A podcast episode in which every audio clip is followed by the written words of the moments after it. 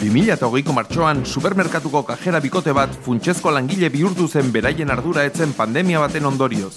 Haien profesionaltasunari eta lan onari esker berehala irabazi zuten planetako kajera onenen titulua. Aurten, haietako batek funtsezko langile izaten jarraitu nahian, Euskal Herriko ondartza batean taberna bat zabaldu du. Eguzkia noiz aterako zain. Topa!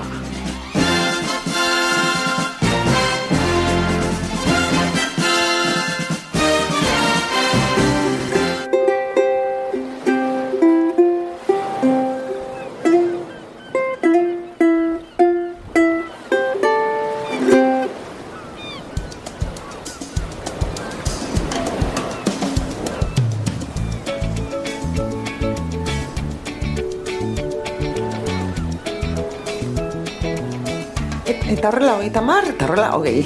Mi esker. Hala, beste bezero bat. Bi ia batera. Azkenean txiringitoak funtzionatuko du. Eh, Kaixo, ze hartuko duzu? Eh, Ba, kaina bat igual, ez? Bo, igual bai. Kaina bat hartu nahi duzu? Eh, bai, ez? Mm, bai, ala ez. Eh, bai, bai, bai. Bai. Ala. Ba, ez daukat. Eh? Ez didate oraindik kainero jarri botilan izan beharko du. Ah, bale. Mhm. Eh, Ze nahiago duzu, rubia ala tostada? Be- Berdin zait danak gustatzen zaizkit. Eh, Ai ama, zer egin duzu zigarroa apurtu? Eh, ah, bai, bu- bueno, Berriz ere egiteko? ah, bale, zuri ikiako altzariak montatzea gustatzen zaizu, eta a, zigarroekin ber- berdin, ez da? eh, bai, bai, no, hol- holako zaze, bai. Eh, bueno, eta belar, belar pixka jartzeko. ah, zer da, belar aromatikoa? Eh, mm, bai, Ah, ez ondo. Ze nire intentzuak ez du batera usaitzen. Pixka bat hartuko dizut, bale? Eh, eh, eh, ba- bueno, bale, bale. Aize ondo usaitzen duen. Honek harima zabalduko dit, seguro. Bai, harima zabaldu eta begiak itxi. Bota, gozea, gozea emango izu. Ah, ba, begira ondo datorkit.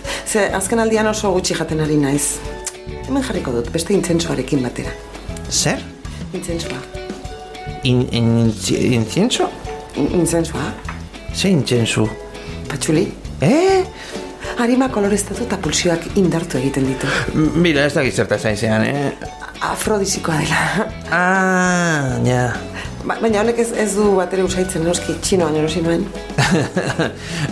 Mira, txinoko belarra versus txinoren belarra. Fight! Em, Barkatu? Eh, txino, ni bezala. Ez da txino. Ni, ni txino naiz. Ah, ni ez, ni hemengoa. Ez, ez, txino izena, txino, ez? Bai, txino, ez? Ba, bai, bai, bai. Ba, Ni, ni amaia, e- hemengoa. E, Txino jarri zizuten? Bueno, berez, Jose Manuel Arreola zagazti, baina beti deitu izan diate txino ez dakit oso ondo zegatik. Ah, ba, igual kupoa betetzeko. Ze kupo. Ah, ah, Txino kupoa. Nire kodarilean bazegoen txino bat. Ah, Eta jartzunen beste txino bat ezagutzen dut. Ah. Eta azpeitin beste bat. Eh, Herri bakoitzean txino bat dago.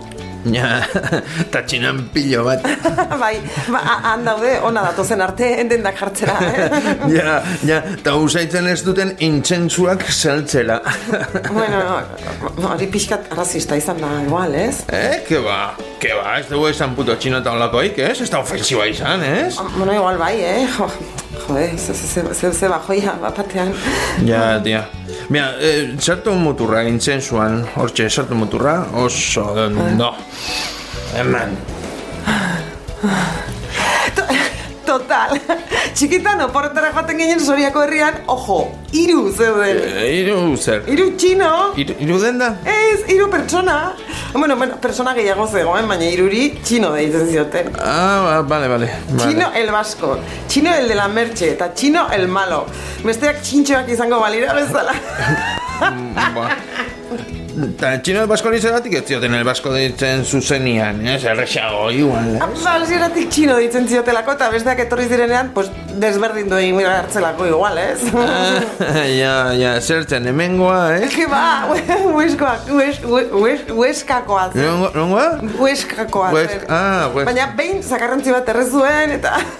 Eh? Oie, hori bai dala rasista, tia. ja, Zoriakoak igual beti izan dira pixka tola, ez? ja, igual bai ez da. Bai. Ba, arrazismoa berdin zai, baina orain bertan soriako torrezno batzu jango nituzke super gustora. Ua, Ja. eta, eta txokolatea, Ja, o, ba, nik, nik paskaltzea jumarko dut, eh? Bueno, Ah, eta patatak, Bo, patatak. ja, ja, ja. Bueno, on- honein, eh? Ez ez, txokolatea lehenengo, eta ura, eko, ura garria. Agur, txino! Aio, aio, amaia. Buah, txokolatea,